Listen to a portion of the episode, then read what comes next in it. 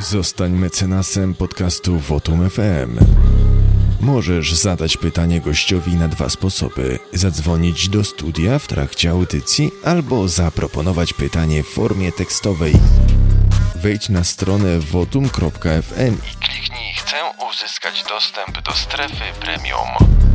Dołącz do audycji Votum FM na żywo w każdy czwartek. Votum FM. Kto mówi prawdę, ten wywołuje niepokój. Szanowni Państwo, moim i Państwa gościem dzisiaj jest pan ambasador Krzysztof Baliński, ambasador Polski w Syrii w latach 1991-1994 z akredytacją w Jordanii. Dzień dobry, panie ambasadorze. Dzień dobry panu, dzień dobry państwu. Bardzo dziękuję, że przyjął pan zaproszenie do podcastu Votum FM. I pierwsze pytanie z mojej strony, tak przechodząc bezpośrednio do rzeczy. Panie ambasadorze, jak wygląda praca dyplomaty, ambasadora na Bliskim Wschodzie? Jak to wszystko wygląda, kiedy dostaje pan nominację, jedzie pan na placówkę? Jak to wszystko wygląda? No wie pan, ja e, przed nominacją na placówkę, e, przed nominacją na ambasadora w Syrii i w Jordanii, którą to nominację mm, podpisuje i wręcza prezydent Rzeczypospolitej, to ja oczywiście przed tą nominacją pracowałem wiele, wiele lat w Ministerstwie Spraw Zagranicznych. A więc do tej funkcji przymierzałem się od wielu, wielu lat. Oczywiście taka wiadomość i taka nominacja jest no, na pewno dla zawodowego dyplomaty wielkim y, wyróżnieniem i honorem i na pewno sprawiło mi to wielką radość. A poza tym, no cóż, cóż y, pomijając to, że jedzie się na placówkę na wysokie stanowisko, to praca niczym się nie różni od pracy tej, którą wykonywałem wcześniej. Już to w centrali w Warszawie, już to na innych placówkach dyplomatycznych. Wcześniej byłem e, na placówce w Libii, w Teheranie, e, w Libii, e, w Trypolicie. To w takim razie dopytam, Przyjeżdża pan na placówkę, już jako ambasador, i spotyka się pan z dyplomatami danego kraju, w tym przypadku Syrii czy Libii, czy jak to, jak to wygląda tak z perspektywy od środka, tak, od kuchni, bo no my wiemy, że normalni zjadacze chleba, wiemy, że no ktoś jest mianowany na ambasadora, jedzie no i reprezentuje Polskę, ale taka codzienna praca. Jak to, jak to pan mógłby przedstawić? Całą pracę, całą misję rozpoczyna się od tego, że składa się wizyty, czyli nawiązuje się e, kontakt dyplomatyczny mm, e, z, z prominentnymi przedstawicielami e, nie tylko miejscowej dyplomacji, ale także miejscowych władz. Te wszystkie kontakty polegają na rozpoczyna, rozpoczyna się od wizyty mm, w Pałacu Prezydenckim, czyli od złożenia tak zwanych listów uwierzytelniających prezydentowi e, danego państwa, w tym przypadku prezydentowi Syrii. E, wówczas takim prezydentem był Hafez al-Assad.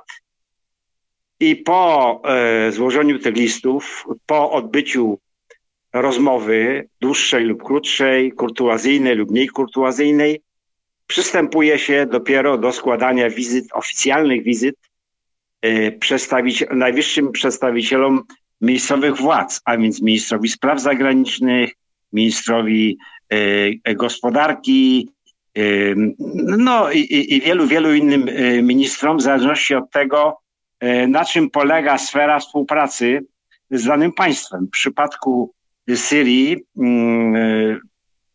E, bardzo ważnymi wizytami dla mnie e, i rozumiem także dla strony syryjskiej było, był kontakt z ministrem spraw zagranicznych, ministrem gospodarki i handlu zagranicznego, a także ministrem nauki i szkolnictwa wyższego, ponieważ e, oraz ministrem obrony, ponieważ w czasie, kiedy zostałem ambasadorem, te dwie sfery współpracy polsko-syryjskiej odgrywało, odgrywały ważną, bardzo ważną rolę.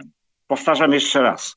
Nauka, szkolnictwo wyższe i Ministerstwo Obrony. I kiedy pan taką wizytę odbywał u prezydenta y, ówczesnego, który jest ojcem, czy był ojcem obecnego prezydenta Syrii Bashara Hafiza al-Assada, proszę powiedzieć, jak pan odebrał tego prezydenta y, jako człowieka, bo on rządził wówczas już 20 lat. Tak, tak. No, proszę nie zapominać, tego nie powiedziałem, ale e, moje związki z Syrią datują się na wiele, wiele lat e, przed ceremonią złożenia listów uwierzytelniających, ponieważ e, Syrię poznałem w roku 1970, czyli kilkanaście lat wcześniej, gdzie e, przyjechałem na studia językowe. Po zakończeniu studiów w Warszawie, w Krakowie, przepraszam, na Wydziale Jagiellońskim, zostałem wydelegowany przez nasze Ministerstwo Nauki na studia językowe w Damaszku. A więc przez, i tam przebywałem w Damaszku mniej więcej 4 lata. A więc i Syrię, a i wracając do pańskiego pytania, i prezydenta Hafeza al-Assada, no znałem y, bardzo dobrze. Oczywiście z oglądu, ale znałem bardzo dobrze. Także ten pierwszy kontakt nie był jakimś dla mnie wielkim zaskoczeniem, to raz. Po drugie, ponieważ w międzyczasie nawiązałem bardzo dużo przyjaźni, sympatii E, z Syryjczykami, w tym także e, z oficjalami syryjskimi, którzy e, w jakimś sensie zarekomendowali moją osobę, moją postać prezydentowi Hafezowi al-Assadowi.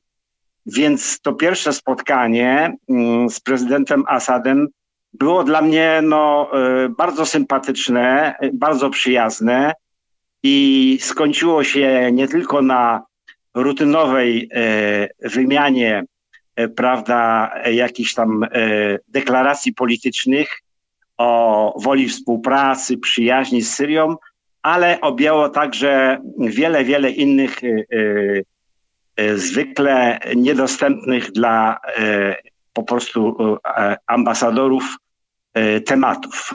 Czy ta współpraca syryjska jest kontynuowana? Te owoce, które pan wówczas, czy ten plon, który pan wówczas no, zasiał, te ziarna, czy ten plon jest zbierany obecnie? Jak to wygląda relacje Polska-Syria? No bo wiemy, że Syria jest teraz no, w takim y, tak. momencie dziejów.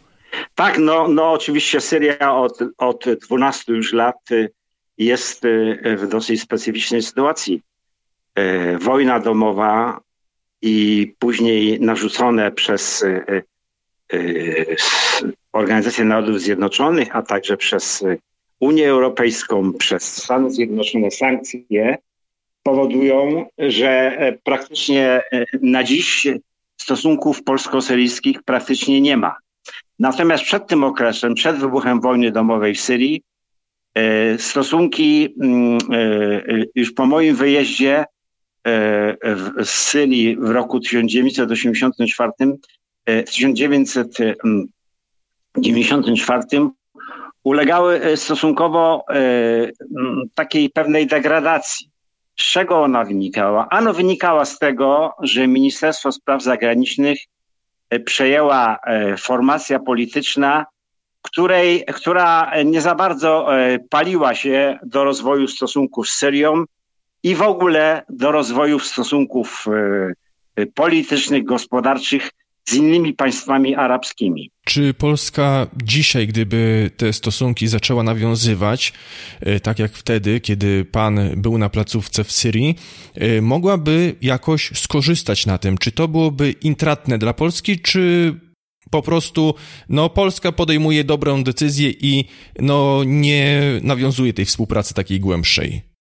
Nie, no wydaje mi się, że wbrew pozorom, gdyby doszło do e, zniesienia sankcji wobec Syrii, gdyby do Syrii wróciły placówki dyplomatyczne, no głównie mówię o krajach europejskich, e, państwach Unii Europejskiej, to wbrew pozorom, wbrew temu, że Syria jest praktycznie w tej chwili krajem gospodarczo zrujnowanym, to e, przed Polską otworzyłyby się duże szanse odbudowy współpracy, współpracy głównie gospodarczej z Syrią. Na czym by to polegało? Według moich analiz, według moich prognoz, po e, normalizacji stosunków Syrii mm, z Europą, ze Stanami Zjednoczonymi, a głównie z państwami arabskimi, bo nie zapominajmy o tym, że Syria jest także bojkotowana przez państwa arabskie, doszłoby do e, bardzo, do napływu e, bardzo dużej, mm, bardzo dużych kwot pieniędzy, głównie ze strony państw arabskich, głównie ze strony państw Zatoki Perskiej, Arabii Saudyjskiej, Zjednoczonych Emiratów Arabskich, a nawet Kataru. Słowa Katar, słowa nawet w odniesieniu do Kataru używam dlatego, że w tej chwili Katar jest e, e, głównym e, dostarczycielem i broni, i pieniędzy dla rebeliantów syryjskich, tych z państwa islamskiego i tych z frontu Al-Nusra. I po napływie takich naprawdę olbrzymich kwot pieniędzy, bo tak to trzeba E, tak to w tej chwili już e, e, ocenia się. Takie są w tej chwili już zapowiedzi właśnie państw Zatoki Perskiej. Polska mogłaby przystąpić, wziąć udział i to znaczny udział w odbudowie gospodarki syryjskiej, w ogóle w odbudowie Syrii. Oferta Polski byłaby tym bardziej chętnie przyjęta przez Syryjczyków, że Polska ma bardzo duże tradycje współpracy gospodarczej z Syrią. W latach jeszcze 70. Mm, ubiegłego wieku e, Polska e, partycypowała w wielu inwestycjach na terenie Syrii, znaczących dla gospodarki syryjskiej inwestycjach. Między innymi e, w takim jakby sztandarowym projekcie gospodarczym Syrii, jak stalownia w Hamie. No i jeszcze wiele, wiele innych. Można by odtworzyć jeszcze wiele, wiele innych e, sfer współpracy gospodarczej z Syrią. Dlaczego państwa arabskie bojkotują Syrię, wspierają rebeliantów, y, no, którzy walczą z y, Asadem, no bo przecież no, Syria jest wrogiem, jakby nie patrzeć, Izraela, e, a państwa arabskie też są, jakby nie patrzeć, wrogo nastawione do państwa położonego w Palestynie. Tak, ale dzisiaj, nie tylko dzisiaj, ale od lat kilkunastu e, ten czynnik, e, ten konflikt arabsko-izraelski zaczyna odgrywać e, e, coraz mniejszą rolę. Z takich czy innych powodów na czoło e, tych wszystkich problemów państw czy polityki zagranicznej państw arabskich wyczuwa, wysunęły się inne problemy, a mianowicie konflikty między tymi państwami arabskimi.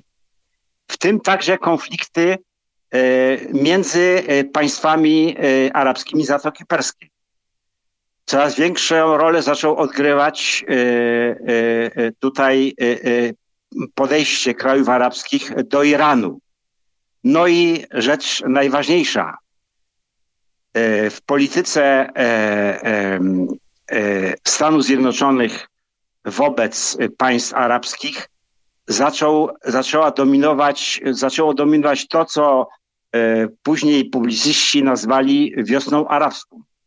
To znaczy e, głównie Stany Zjednoczone, ale nie tylko, bo także Francja, Włochy e, przystąpiły do przemodelowania ustrojów politycznych prawie wszystkich państw arabskich.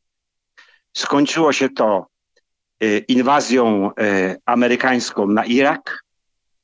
W ślad za tym poszła E, arabska wiosna w Tunezji i wreszcie e, w Libii i Syrii. W związku z tym e, w tej chwili priorytetem w polityce zagranicznej państw arabskich nie jest konflikt z Izraelem. Ja mówię o polityce rządów państw arabskich. Nie jest konflikt z Izraelem, ale właśnie konflikty między sobą. I tutaj ofiarą właśnie e, takiej polityki, tej nowej polityki państw arabskich, znaczących państw arabskich, tych państw, które modulują politykę na Bliskim Wschodzie, e, ofiarą padła właśnie e, Syria.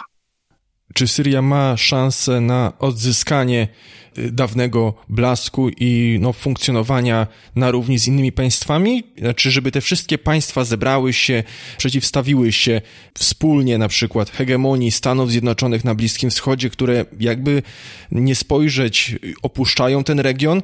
Jak pan na to patrzy? Z perspektywy dyplomaty, który no mi się pan wydaje, że szansa jest, ale szansa jest to bardzo odległa. Przede wszystkim, e, przede wszystkim e, nie ma e, na dziś, nie ma w tych najbardziej znaczących państwach arabsa, arabskich, głównie mówię o państwach Zatoki Perskiej, nie ma żadnej woli politycznej odbudowania właśnie pozycji państw arabskich vis-a-vis Izraela i vis-a-vis Stanów Zjednoczonych. To jest, to jest ta przeszkoda. Druga sprawa, y, Stany Zjednoczone, a zwłaszcza Izrael, prowadzą y, już od wielu, wielu lat y, bardzo zręczną politykę, która ma na celu skłócenie państw arabskich. A przede wszystkim tak, tak modelowania sytuacji na Bliskim Wschodzie, żeby głównym przeciwnikiem państw arabskich nie był Izrael na Bliskim Wschodzie, ale Iran. I jak dotychczas e, ta e, e, polityka opisana przeze mnie w kilku zdaniach jest bardzo skuteczna.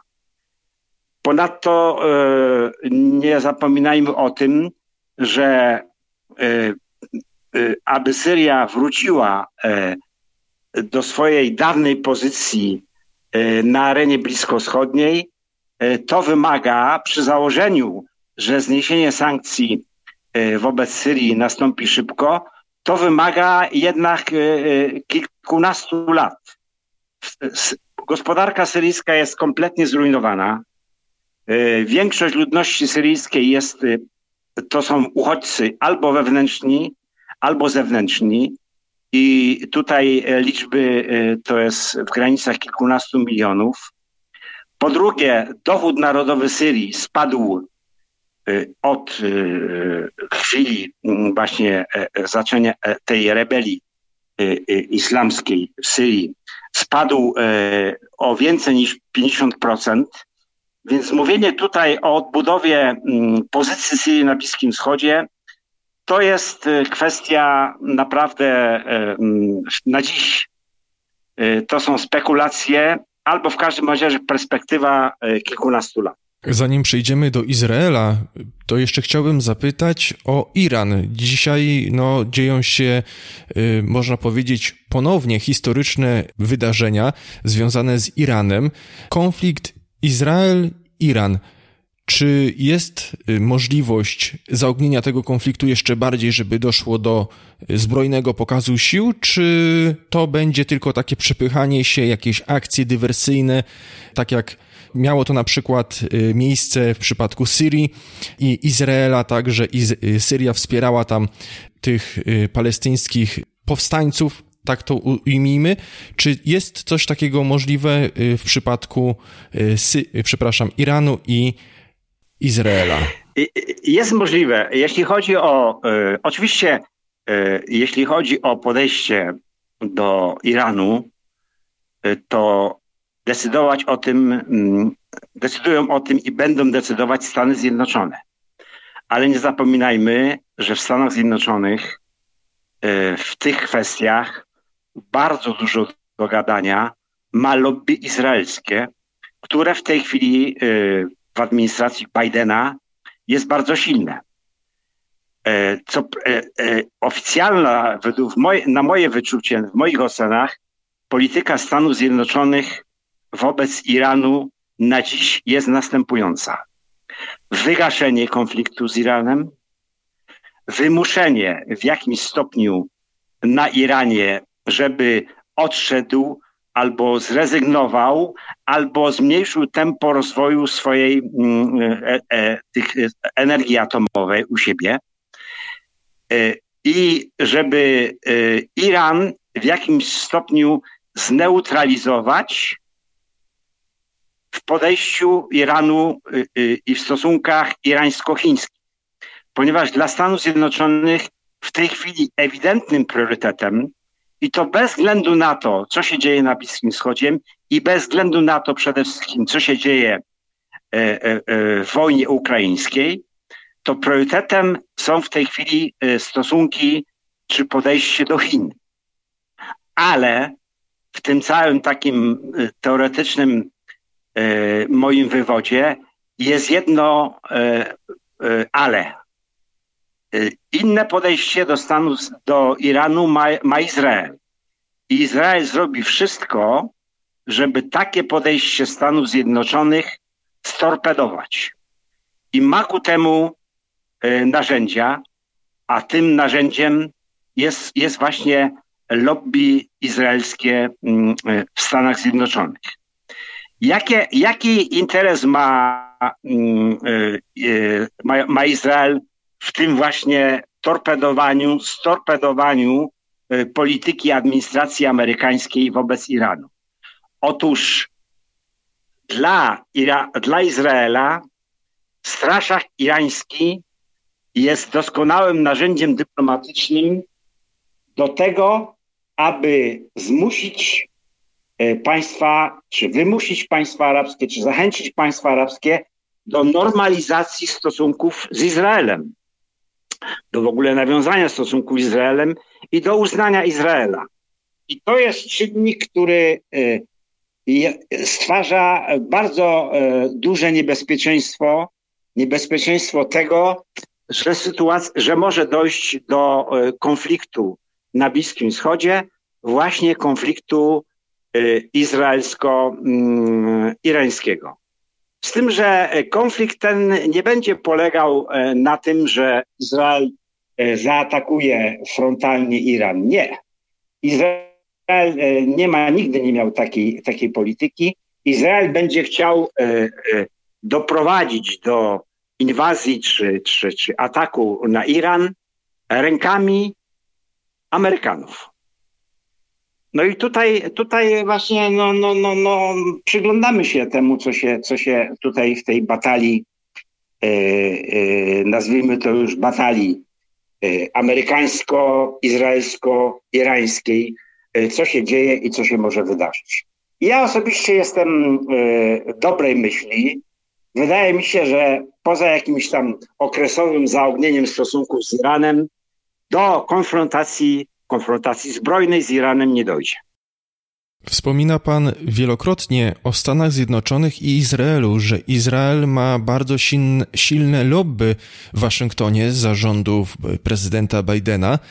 No i to lobby też no, wpływa na jak wynika z Pana wypowiedzi, ale też co możemy zaobserwować na arenie międzynarodowej, wpływa na działania Stanów Zjednoczonych nie tylko y, w obszarze czy na obszarze Bliskiego Wschodu, ale też Europy. Pomijam już kwestię ukraińską, ale tutaj chciałbym nawiązać y, i poruszyć temat y, roszczeń żydowskich, które no, cały czas są na stole. Proszę powiedzieć, panie ambasadorze, w ogóle na czym obecnie stanęło z tymi roszczeniami, bo napisał pan książkę Judejczykowie nas podchodzą i jak oni nas podchodzą obecnie? Jak to wszystko wygląda? Tak, rzeczywiście no, no, związek e, e, lobby żydowskiego, e, tego, które, którego jest tak aktywny w kwestiach bliskowschodnich, związek z Polską i związek z wojną na Ukrainie jest ewidentny. I jeszcze tylko takie małe wyjaśnienie albo moja ocena tycząca się tego lobby żydowskiego w Stanach Zjednoczonych. Otóż w administracji Bidena, Bidena powtórnie, powtórnie to mam na myśli jeszcze odniesienie do czasów administracji Busha, do głosu dochodzi, dochodzi formacja polityczna, która zwana jest, y, nie wiadomo dlaczego, formacją neokonserwatywną. Są to y, politycy y, w większości pochodzenia żydowskiego, których korzenie sięgają właśnie Europy Wschodniej, a głównie polskich kresów. I właśnie patrząc na wojnę ukraińską, widzimy, że bardzo ważnym aspektem zaangażowania Stanów Zjednoczonych na Ukrainie jest właśnie to, że ta formacja mm, neokonserwatystów, formacja polityczno-biznesowa e, ma do ugrania i ugrywa w konflikcie rosyjsko-ukraińskim bardzo dużo. Ale skończmy już z tym tematem. Przenieśmy się do sprawy, która nas najbardziej interesuje, e, to znaczy roszczeń żydowskich wobec Polski. W książce e, całe moje wszystkie rozważania, informacje, które przekazuję w książce, mówią o tym, że wbrew pozorom, wbrew temu, co się dzieje na Ukrainie, wbrew temu, co się dzieje na Bliskim Wschodzie, wbrew temu, co się dzieje w stosunkach Polski e, z Komisją Europejską, temat roszczeń żydowskich wobec Polski jest ciągle aktualny i jest ciągle e, w agendzie środowisk żydowskich i Stanów Zjednoczonych e, w polityce wobec Polski. I, e, I tutaj właśnie wychodząc z takiego założenia, mm, no, ostrzegam Polskę czy polską dyplomację, że taka właśnie nadzwyczajna sytuacja, jak właśnie wojenna heca, jest y, wbrew pozorom doskonałą okazją do wymuszenia na Polsce y, spłaty y, roszczeń żydowskich. Dlaczego? Dlatego właśnie, że administracja amerykańska, czyli krótko mówiąc i lobby żydowskie, które ma duży wpływ na tą administrację, ma doskonałe e, preteksty, żeby na Polsce wymusić takie spłatę takich roszczeń. Może na przykład straszyć Polskę tym, że wycofa żołnierzy amerykańskich z Polski. Może na przykład straszyć Polskę tym, że nie sprzeda Polsce czołgów Abrams.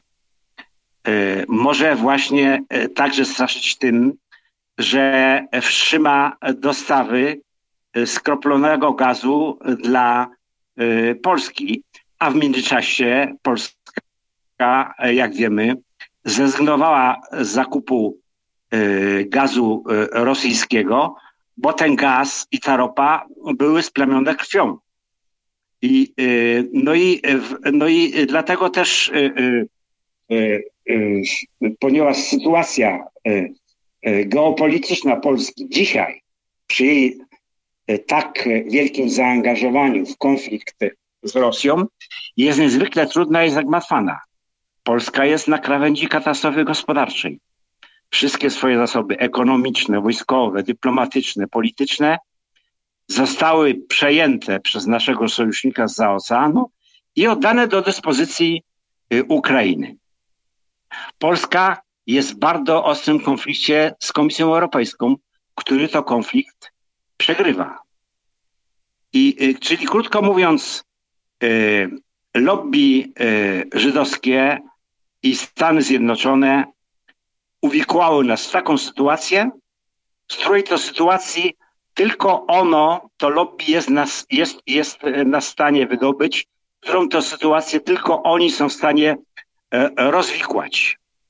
Rozwikłać? Inaczej mówiąc, rozwikłać właśnie w ten sposób, że spłacicie e, e, roszczenia żydowskie, a my w dalszym ciągu będziemy was e, popierać, będziemy popierać rząd PiSu, nie przeszkodzimy wam w zdobyciu w powrocie, w zdobyciu władzy przy najbliższych wyborach parlamentarnych i wreszcie wybronimy was przed zakusami Komisji Europejskiej, czyli przed zakup, zakusami Niemiec.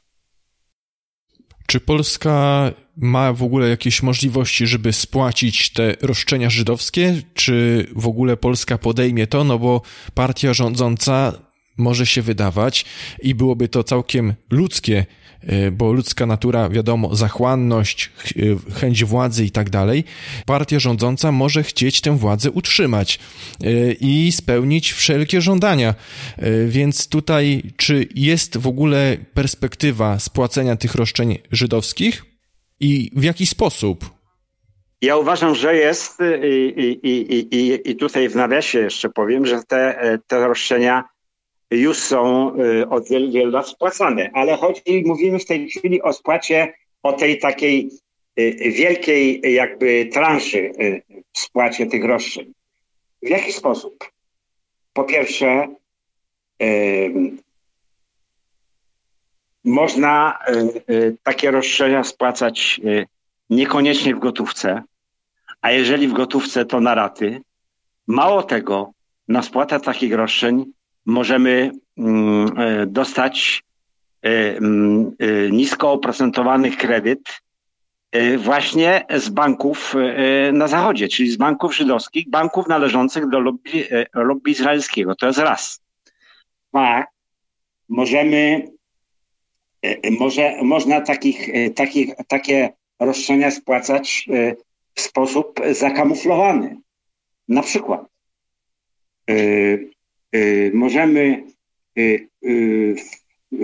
na przykład w formie udziałów w sprywatyzowanych przedsiębiorstwach czy biznesach polskich. To jest praktyka już stosowana od y, y, wielu, y, wielu lat. Na przykład dokonując zakupów broni w tej chwili, w tej chwili Polska przystąpiła do zakupów e, broni, już to amerykańskiej, już to izraelskiej, za bardzo duże pieniądze. Kontrakty podpisane tylko ze Stanami Zjednoczonymi opiewają na 40 miliardów dolarów.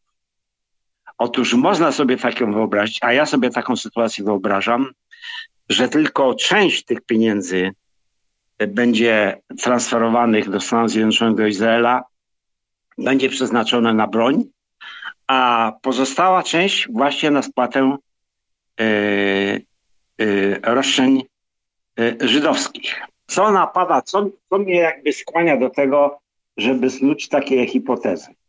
Otóż proszę zauważyć, że Grecja wydaje na armię dwa razy mniej niż Polska, a ma siły lądowe półtora razy większe niż Polska. Lotnictwo coraz większe, a flotę wojenną osiem razy większą. Budżet obronny Polski i Turcji jest prawie taki sam, a już wkrótce Polska będzie miała budżet obronny o 30-40% większy niż Turcja a armia turecka, turecka liczy 100 tysięcy żołnierzy, a nasza armia liczy 100, e, przepraszam, 400 tysięcy żołnierzy, a nasza armia liczy 100 tysięcy żołnierzy. Armia turecka jest drugą po armii amerykańskiej pod względem liczebności w NATO. Więc pytanie, gdzie, co się stało i co się dzieje z pieniędzmi, które polski rząd przeznacza na polską armię i na zbrojenia. Inny przykład. Polska od kilku e, czy kilkunastu miesięcy kupuje złoto. Po co to złoto kupuje, będąc w tak trudnej sytuacji finansowej? Otóż złotem można potajemnie regulować różnego zobowiązania i należności, nie wzbudzając zainteresowania opinii publicznej. Takie operacje są o tyle proste, że nikt tak naprawdę nie wie, ile mamy, jakie są nasze rezerwy złota, gdzie one jest składowane i w jaki sposób wykorzystywane. Na przykład, gdy y, y, rząd y, w Sejmie poddaje pod głosowanie budżet Polski na przyszły rok, to w tych pozycjach budżetowych w ogóle nie ma mowy i w ogóle nie są wykazywane nasze zasoby złota. No i wreszcie zauważmy rzecz bardzo niepokojącą w kontekście właśnie spłaty y, roszczeń żydowskich, że w latach 2016 do dziś, to znaczy w latach, kiedy y, rządzi w Polsce PiS, PiS dług Polski przyrósł o 1 miliard złotych. Dziś sięga 1 miliarda 900 miliardów złotych, czyli PiS zadłużył Polskę bardziej niż wszystkie rządy po 1989 roku razem wzięte. Na co poszły te pieniądze? Wiemy, i to już wiemy z oficjalnych enuncjacji, że część tych pieniędzy wywieziono na Ukrainę. Ale wywieziono na Ukrainę na co?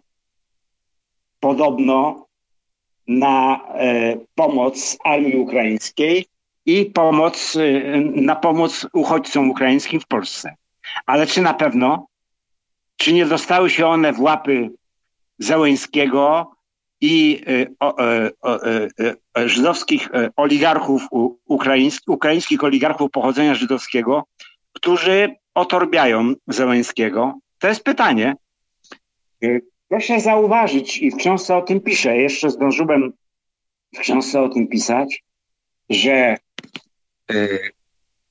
David Harris, to jest szef, prezes amerykańskiego Komitetu Żydowskiego, to jest organizacji, która, głównej organizacji żydowskiej, która e, grilluje i molestuje e, e, wszystkie rządy polskie od wielu, wielu już lat w kwestii roszczeń żydowskich, gdy przyjechał 25 kwietnia do Polski i gdy spotkał się z prezydentem Dudą, to przepytywał Dudę na temat pomocy dla Ukrainy. Muszę sobie wyobrazić. Nie miał innego ważniejszego tematu. Pofatygował się za oceanu tylko po to, żeby o, o, omawiać z Dudą pomoc dla Ukrainy. Jaki to ma w ogóle związek z organizacjami żydowskimi i z lobby żydowskim w Izraelu? Otóż ma. Można domniemywać, że część tej pomocy udzielanej e, dla Ukrainy, dla Zełęńskiego, ma trafić na konta e, roszczeniowych organizacji żydowskich, takich jak Amerykański Komitet Żydowski, działających w Nowym Jorku. Krótko mówiąc, kanałów spłat roszczeń żydowskich jest bardzo dużo. Nie wszystkie wymieniłem, ale są one doskonałym i bardzo łatwym kanałem do spłaty roszczeń żydowskich. Z tego, co pan mówi, to wynika właśnie, że to nie muszą być takie oficjalne spłaty. Macie tutaj, yy, szanowni Żydzi z oceanu, z Nowego Jorku, tutaj spłacamy oficjalnie, żeby ludzie to widzieli, tylko właśnie tak pod stołem. I pytanie, bo pan powiedział, że tylko to lobby żydowskie może rozwiązać y, ten problem tych roszczeń, bo Polska jest w potrzasku, w kleszczach. Czy Polska mogłaby powiedzieć, nie spłacamy i wysunąć jakieś warunki, jakieś y, własne roszczenia, czy no, po prostu warunki, no bo Polska znajduje się geograficznie, geopolitycznie w bardzo ważnym położeniu, na styku, można powiedzieć, cywilizacji wschodu i zachodu. Y, I czy Polska mogłaby zacząć stawiać warunki? Bo jeszcze tylko, tylko tak jeszcze dopowiem, bo na początku swojej książki Judejczykowie pisze pan, taki cytuje pan, więcej niż 3 miliony Żydów zginęło w Polsce i Polacy nie będą spadkobiercami polskich Żydów. Nigdy na to nie zezwolimy. Będziemy nękać ich tak długo, dopóki Polska znów nie pokryje się lodem. Jeżeli Polska nie zaspokoi żydowskich żądań, będzie publicznie poniżana i atakowana na forum międzynarodowym. I to był przeciek, z tego co zrozumiałem czytając pana książkę, no ten przeciek wystarczył w ówczesnym rządzącym y, no już podjąć jakieś działania w sprawie tych spłaty żądań roszczeń żydowskich. Y, no i czy Polska w ogóle ma na tyle ikry, y, żeby się przeciwstawić i powiedzieć, my mamy własne warunki? Panie redaktorze, nie tylko, że Polska mogłaby teoretycznie mieć na tyle ikry, i mogłaby teoretycznie e, mieć e, tyle argumentów, żeby dać odpór e, roszczeniom żydowskim. Ale żeby tak się stało, to po pierwsze musiałaby istnieć wola polityczna po stronie rządzących Polską, a po drugie przy władzy musieliby być ludzie inni niż dzisiaj. A co my mamy dzisiaj? Przy, mamy bankowego, mm, prawda, bank, bankstera, pomijamy jego pochodzenie na czele rządu. Mamy w Belwederze piewcem ziemi Polin. Mamy ambasadorów od lat zaangażowanych w rozmowy z, z, z organizacjami żydowskimi w Stanach Zjednoczonych w, w kwestii spłaty zadłużenia. Także tutaj y, dywagowanie o tym, że możemy dać odpór stronie żydowskiej jest po prostu no nie na miejscu, jest fantazjowanie. Co się tyczy mm, tego, tego cytowanego przez pana wystąpienia jednego, e, jednego z szefów e, organizacji roszczeniowej wobec Polski, a mianowicie Światowej Organizacji Restytucji Mienia Żydowskiego, e, to, to nie był przeciek, tylko to było jawne wystąpienie. Przeciekiem natomiast było list kilkunastu mm, e, kongresmenów do ówczesnego, to było już wiele, wiele lat temu, do ówczesnego e, sekretarza stanu w administracji amerykańskiej Warrena Christophera, e, które to wystąpienie, przesiek tylko na temat tego wystąpienia, doprowadził do tego, że Polska już w tych czasach nowożytnych przystąpiła do spłaty Y, y, odszkodowań żydowskich. W jakiej formie? Otóż w roku 1995, czyli już dokładnie kilka tygodni po tym przecieku, y, ówczesne władze, którymi były prezydent Aleksander Kwaśniewski i minister i premier Włodzimierz Cimoszewicz, doprowadzili, przy, przeforsowali ale słowa przeforsowali nie jest na miejscu, tylko doprowadzili do tego, że w Sejmie uchwalono y, ustawę o y, zwrocie mienia przedwojennych gmin wyznaniowych żydowskich.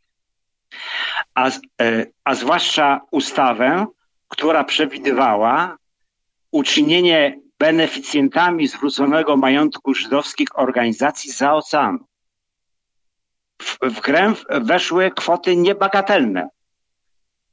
W kilka miesięcy już po wejściu e, tej ustawy w życie w 1995 roku e, e, e, oceniono, a właściwie e, wygadały się, e, Żydzi polscy wygadali się, że zwrócony po kilku miesiącach majątek miał wartość kilkunastu miliardów dolarów, i że 7 i 8 lub 8 miliardów dolarów zostało e, właśnie e, e, po, po spieniężeniu tych majątków gmin wyznaniowych żydowskich zostało wytransferowanych do organizacji żydowskich w Nowym Jorku. Ale to nie wszystko. Ustawa przewidywała, że proces zwrotu tych majątków gmin wyznaniowych będzie trwał 5 lat. Tymczasem to nieprawda.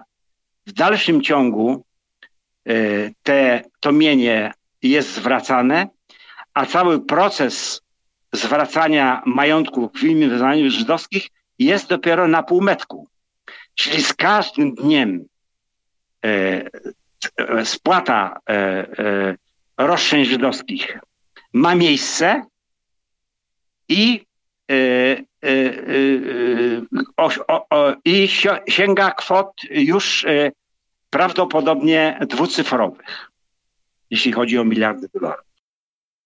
A czy te pieniądze w jakiś sposób trafiają naprawdę pomijając już na przykład gminy żydowskie, ale no ta spłata tych roszczeń żydowskich, czy te pieniądze trafiają do tych jakichś y, potomków, y, tych ofiar Holokaustu na, nawet, które posiadały majątki w Polsce, y, czy do Żydów, którzy wyemigrowali za ocean w czasie PRL-u, czy ci potomkowie, te osoby otrzymują te pieniądze, czy to wszystko zagarniają te organizacje, które zajmują się no, odzyskiwaniem tego utraconego, bezspadkowego mienia?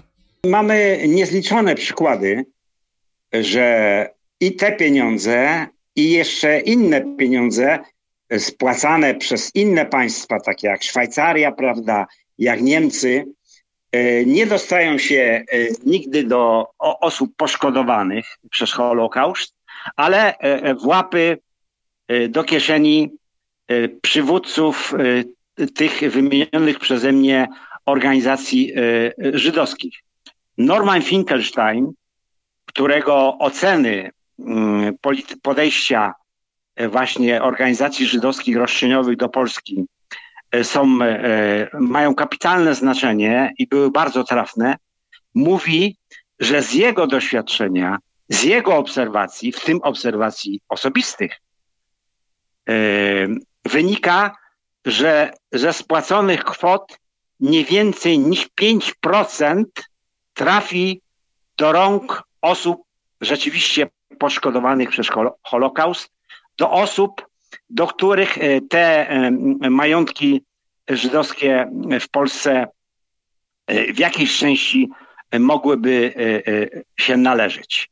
Dlaczego mówię o osobistym doświadczeniu Normana Finkelsteina, profesora Normana Finkelsteina? Ponieważ Norman Finkelstein jest synem osób poszkodowanych w Holokauście. Jego ojciec i matka uratowali się z Holokaustu, wyemigrowali do Stanów Zjednoczonych i gdy doszło do wypłaty odszkodowań e, to przez Niemcy właśnie dla ofiar Holokaustu, to rodzice normalna to były kwoty sięgające już dzisiaj przeszło 100 miliardów dolarów, to rodzice Finkelsteina dostali E, e, już nie pamiętam dokładnie, ale coś w granicach 4-5 tysięcy dolarów. Także to będzie wyglądało. Ale nie, nie tym my się martwy, martwimy. Niech oni są. Problem polega na tym, gdyby doszło do spłaty takich roszczeń, na przykład w formie E, majątku e, tutaj znajdującego się na, na terenie Polski, na przykład lasów, to wtedy w Polsce dojdzie do wytworzenia się, do powstania elity gospodarczej Polski, ponieważ w ich łapy e, trafią olbrzymie kwoty pieniędzy, na dziś oceniane na 300 miliardów złotych. I w takiej sytuacji powstanie nowa elita gospodarcza i finansowa w Polsce, a my, Polacy, będziemy obywatelami Polski drugiej, a nawet trzeciej kategorii. Panie ambasadorze, w takim razie, jeżeli mamy y, no tutaj takie widoki, że stalibyśmy się obywatelami drugiej czy trzeciej kategorii, y, to czy można się temu jakoś przeciwstawiać? Czy te protesty y, odnoszą jakieś rezultaty, pozytywne skutki? No bo co my możemy? To jest takie pytanie. Rzeczywiście w sytuacji takiej, kiedy i za granicą e, w tej chwili dzięki w cudzysłowie naszej e, zręcznej e, polityce zagranicznej nie mamy i, i poza granicami krajów praktycznie żadnych sojuszników, a tylko wrogów, a na arenie wewnętrznej mamy piątą kolumnę, o której mówiłem słowami, że na czele rządu stoi bankster, a w Belwederze jest piewca ziemi Polin, to w takiej sytuacji nasza sytuacja, no wydaje się, no co tu dużo mówić, ale troszeczkę beznadziejna. Co nie znaczy, że nie możemy czegoś, cze, e, e, czegoś tam robić. Y, pierwsza rzecz y, to jest to, że po prostu Polska wbrew pozorom jesteśmy w tej chwili tutaj u nas w Europie e, w przededniu jakby jakiegoś przemodelowania sytuacji geostrategicznej. No bo wojna na Ukrainie może się różnie skończyć. No bo Stany Zjednoczone e, mogą bardzo szybko, tak jak szybko doprowadziły do tego konfliktu, tak szybko mogą się z tego konfliktu wycofać. No bo w najbliższym czasie mamy wybory, wreszcie wybory w Polsce. I tutaj e, ta wbrew pozorom beznadziejna sytuacja może działać na naszą korzyść, to znaczy na korzyść tych, którzy sprzeciwiają się roszczeniom, roszczeniom żydowskim. Co powinniśmy zrobić? Ja w swojej książce piszę, że yy, yy, możemy, możemy skorzystać, y, y, y, no, no, daję po prostu następujące rady, co robić.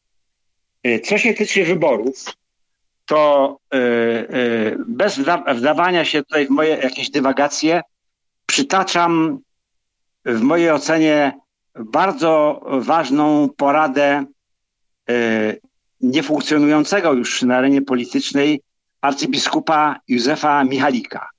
Otóż e, arcybiskup mówił tak. Katolik ma obowiązek głosować na katolika, mason na masona, a Żyd na Żyda. Apel jest, ten jest tym bardziej aktualny, że ostatnia e, jego część jest już od dawna w Polsce realizowana. A inne rady. Inną radą jest tak, nie liczyć na rządzących, oni nic nie zrobią, bo to notorycznie przegrywające miernoty, spa, sparaliżowani strachem, którzy uważają, że tylko kapitulacja może ich ocalić. Może ich ocalić, ocalić ich rządy. Druga rada. Nie przyjmować bitwy na warunkach przeciwnika. Sprawa mienia bez, jest cyklicznie wytyszana i czas najwyższy przygotować się solidnie, ale nie do obrony, lecz do ataku. Proszę zauważyć, że dotychczas my reagujemy tylko na ataki, na żądania strony żydowskiej i y, przyjmujemy pozycję y, petenta, który się tłumaczy z nie swoich win jeżeli Żydzi, gdy Żydzi od nas żądają czegoś, to my mówimy, że to jest bezprawne, że myśmy już y, Żydom dali odszkodowania i tak. Nie. Taka metoda nie zadziałała dotychczas, bo istotą żydowskiej machinacji jest samo przystąpienie do rozmów jest uznaniem zasadności roszczeń, a do uzgodnienia pozostaje tylko ich wielkość. I tutaj y, niestety y, y, takiej mm, taktyce naszej y, bardzo niedawno temu zadał cios y, Jarosław Kaczyński. Otóż y, przy okazji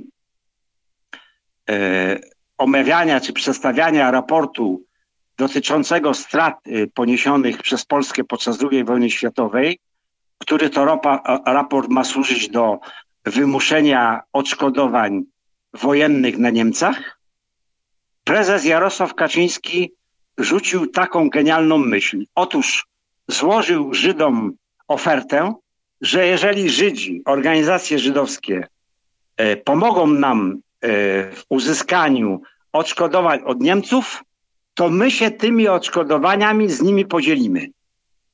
Co oznacza taka głupia, niedorzeczna,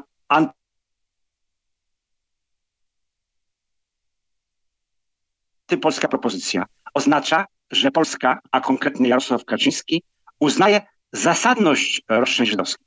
I e, e, oferta ta oznacza, że przystępujemy e, e z wami Żydami do dyskusji, jak wysokie są te odszkodowania.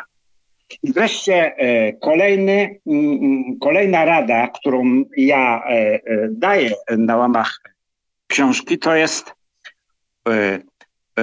podjąć ofensywę na polu obrony dobrego imienia Polski. Bo oskarżeniom Polaków o to, że nie chcą rozliczyć się z pożydowskiego mienia, towarzyszą zarzuty, że nie chcą rozliczyć się ze, swoich, ze swoją historią.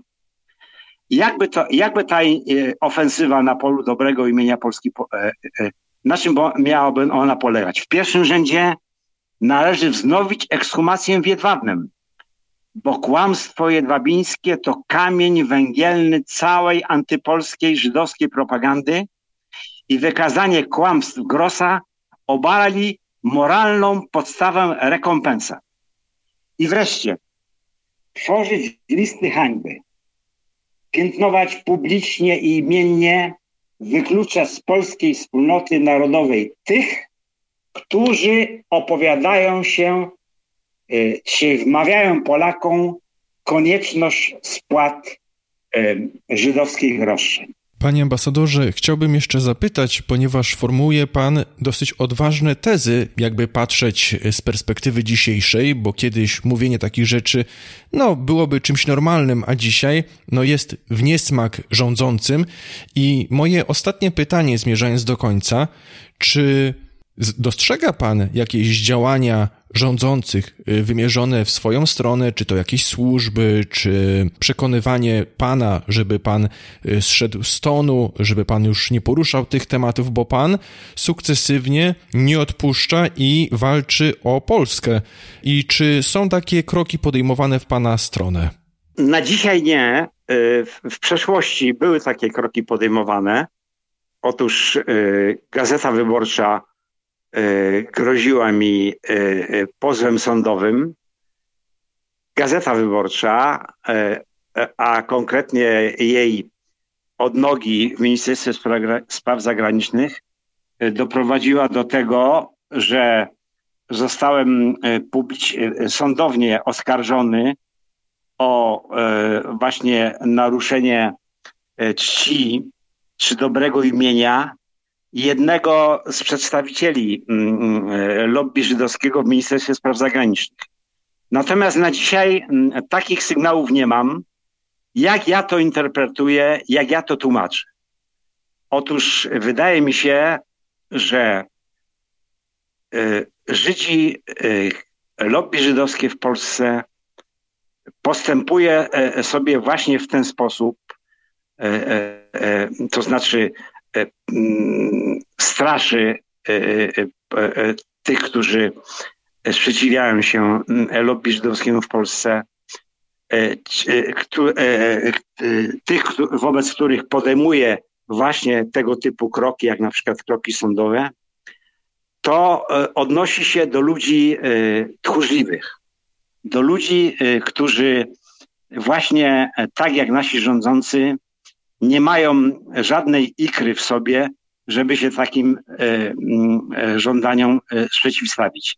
Natomiast osoby, które z otwartym czołem, z podniesionym czołem odważnie sprzeciwiają się tym roszczeniom, osoby, które dysponują wiedzą i argumentami jak e, e, roszczeniu żydowskim się przeciwstawić, to wobec e, takich osób lobby żydowskie albo nie ma odwagi, albo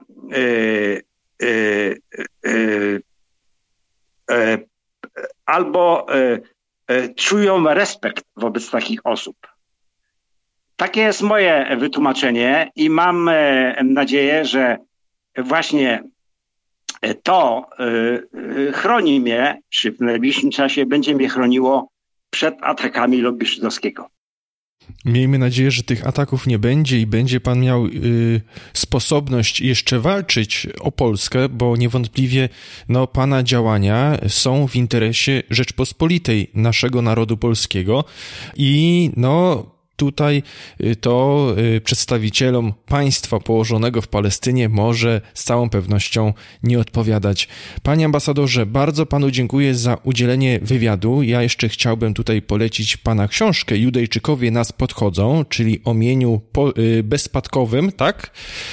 Chwileczkę, ja sobie zerknę tylko na tytuł. O, o, o mieniu pożydowskim w Polsce. O mieniu pożydowskim Bo to dotyczy nie tylko mienia bezspadkowego, ale szerzej szerzej e, w ogóle imienia żydowskiego w Polsce.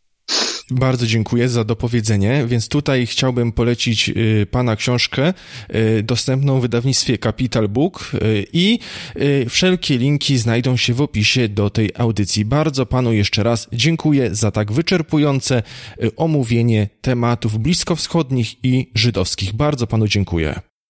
I ja bardzo dziękuję za danie mi okazji do wyłożenia E, no, moich racji e, w tym temacie. Bardzo dziękuję. Zostań mecenasem podcastu Votum FM. Możesz zadać pytanie gościowi na dwa sposoby: zadzwonić do studia w trakcie audycji albo zaproponować pytanie w formie tekstowej. Wejdź na stronę votum.fm i kliknij Chcę uzyskać dostęp do strefy premium. Dołącz do audycji Votum FM na żywo w każdy czwartek. Votum FM.